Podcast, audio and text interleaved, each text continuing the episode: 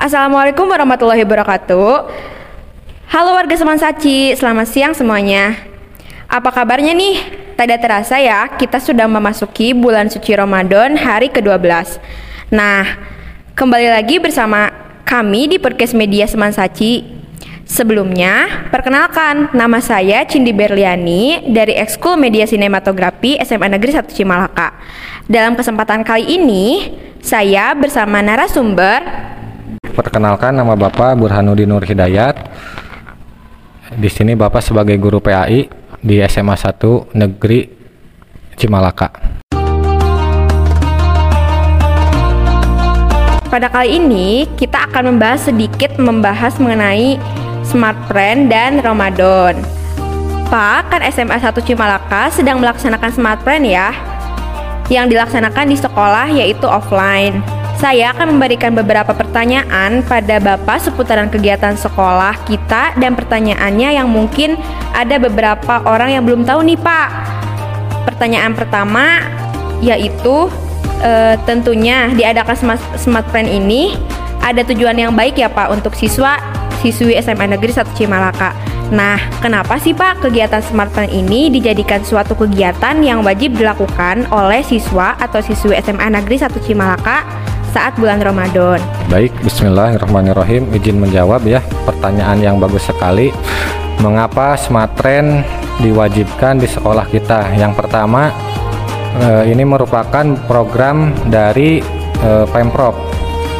Jadi eh, Wakil Gubernur Jawa Barat, Pak UU Rijanul Haq ini merupakan program dari Pemprov uh, yang di mana uh, sekolah sebagai uh, apa ya uh, lembaga atau dinas uh, pendidikan yang harus uh, taat kepada pemerintah uh, ya Bapak pribadi sangat mendukung uh, acara atau program Smart Trend Milenial ini. Karena kenapa? Uh, puasa merupakan atau bulan puasa merupakan salah satu bulan yang disebut sahru tarbiyah yaitu uh, bulannya uh, pendidikan atau bulannya pelatihan ya di mana kita harus melatih diri dari apa-apa yang dilarang Allah, oleh Allah Subhanahu wa taala dan kita juga harus uh, menjalankan segala perintah Allah Subhanahu wa taala. Tujuannya uh, diadakannya Smartren ini bertujuan membentuk karakter siswa yang bertakwa, berbudi luhur, dan bisa menjalankan apa yang telah Allah perintahkan. Misalkan puasa dengan baik. Nah, dalam puasa itu tidak hanya menahan menahan lapar dan e, haus saja, tetapi e, menahan dari segala apa-apa yang dapat membatalkan pahala puasa.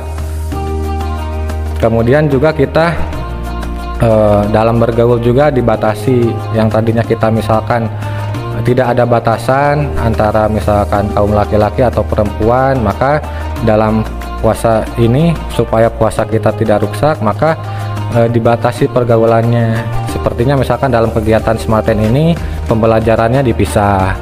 Laki-laki misalkan di masjid dan perempuan di di aula. Nah itu salah satu bentuk pendidikan yang ada di Sematren. Kemudian materi-materinya juga kita misalkan diajarkan tentang e, bacaan sholat, kemudian bacaan Al-Quran yang baik dan benar. Jadi menunjukkan bahwa e, sikap keberagamaan kita harus baik. Di samping itu juga kita e, sekolah biasa juga harus berprestasi, tapi keberagamaan juga harus sangat berprestasi karena itu merupakan suatu kewajiban kita sebagai umat muslim. Mungkin itu sedikit jawaban dari Bapak. Wah, ternyata Smart Friend ini merupakan kegiatan yang sangat positif ya teman-teman. Uh, ada menumbuhkan pendidikan karakter dan lain sebagainya. Nah, selanjutnya banyak pertanyaan nih Pak dari beberapa teman-teman kita boleh nggak sih tidur lagi setelah sahur dan sholat subuh dan hukum tidur sepanjang hari saat puasa itu gimana ya Pak? Tidur itu hukum asalnya adalah mubah, boleh. Nah, tapi menurut Bapak beberapa ulama tidur setelah subuh itu dihukumi makruh. Kenapa makruh? Karena setelah subuh itu Allah menurunkan melimpahkan keberkahan rezeki.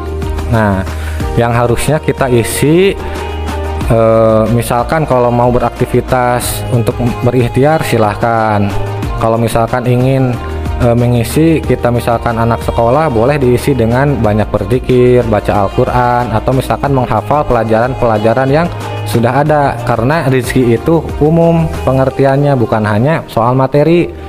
Nah, soal ilmu juga keberkahan ilmu. Jadi kan keberkahan itu bertambahnya ke kebaikan. Nah, jadi dimakruhkan oleh ulama tidur setelah sholat subuh. Kemudian juga dalam segi kesehatan, nah itu sangat buruk sekali.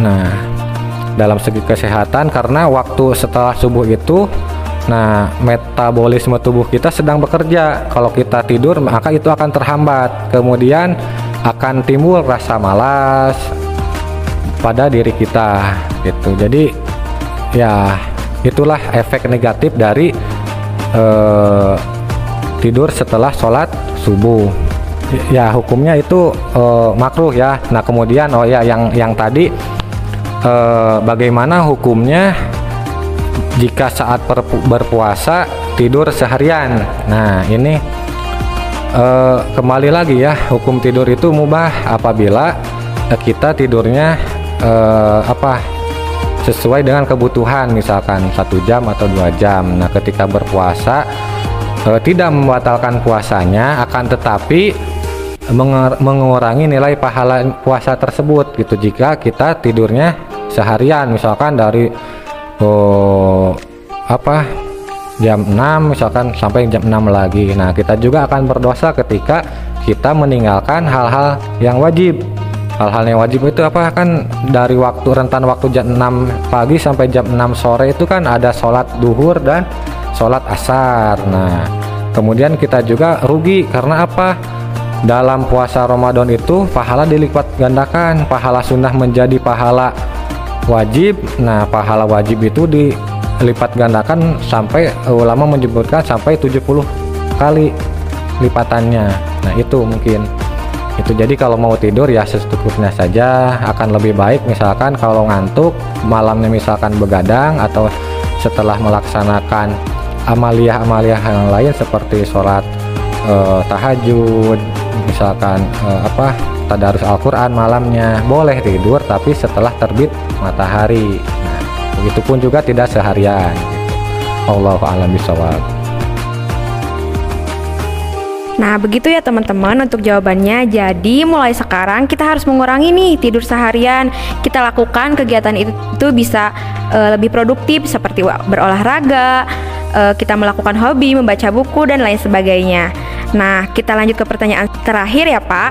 Bagaimana sih harapan Bapak ke, depannya untuk siswa atau siswi SMA Negeri 1 Cibalaka yang sudah melaksanakan pesantren kilat atau smart learn ini? Iya, uh, harapan Bapak ke depan karena kita sudah melaksanakan kurang lebih dari dua minggu ya, karena ini uh, merupakan suatu pendidikan atau amaliyah atau uh, suatu praktek pembiasaan ya.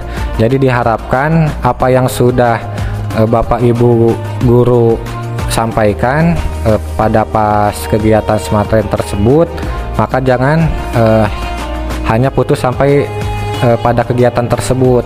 Misalkan sholat duha terus dijalankan walaupun tidak dalam keadaan kegiatan uh, pada smartren itu kemudian tadarus. Karena kan kita masih ada waktu kurang lebih puasa itu masih lama ya. Jadi diteruskanlah gitu apa-apa yang sudah Bapak Ibu uh, guru sampaikan di sekolah. Kemudian juga uh, dari segi karakternya itu harus menunjukkan seseorang uh, sikapnya sebagai mus muslim yang baik itu jadi harapannya itu ada ada perubahan lah ada perubahan. Yang tadinya misalkan tidak bisa membaca Al-Quran lancar Al-Qurannya yang tadinya misalkan uh, jarang sholat uh, duha uh, sholat duha gitu. Jadi ada uh, sedikit uh, perubahan ke arah yang lebih baik.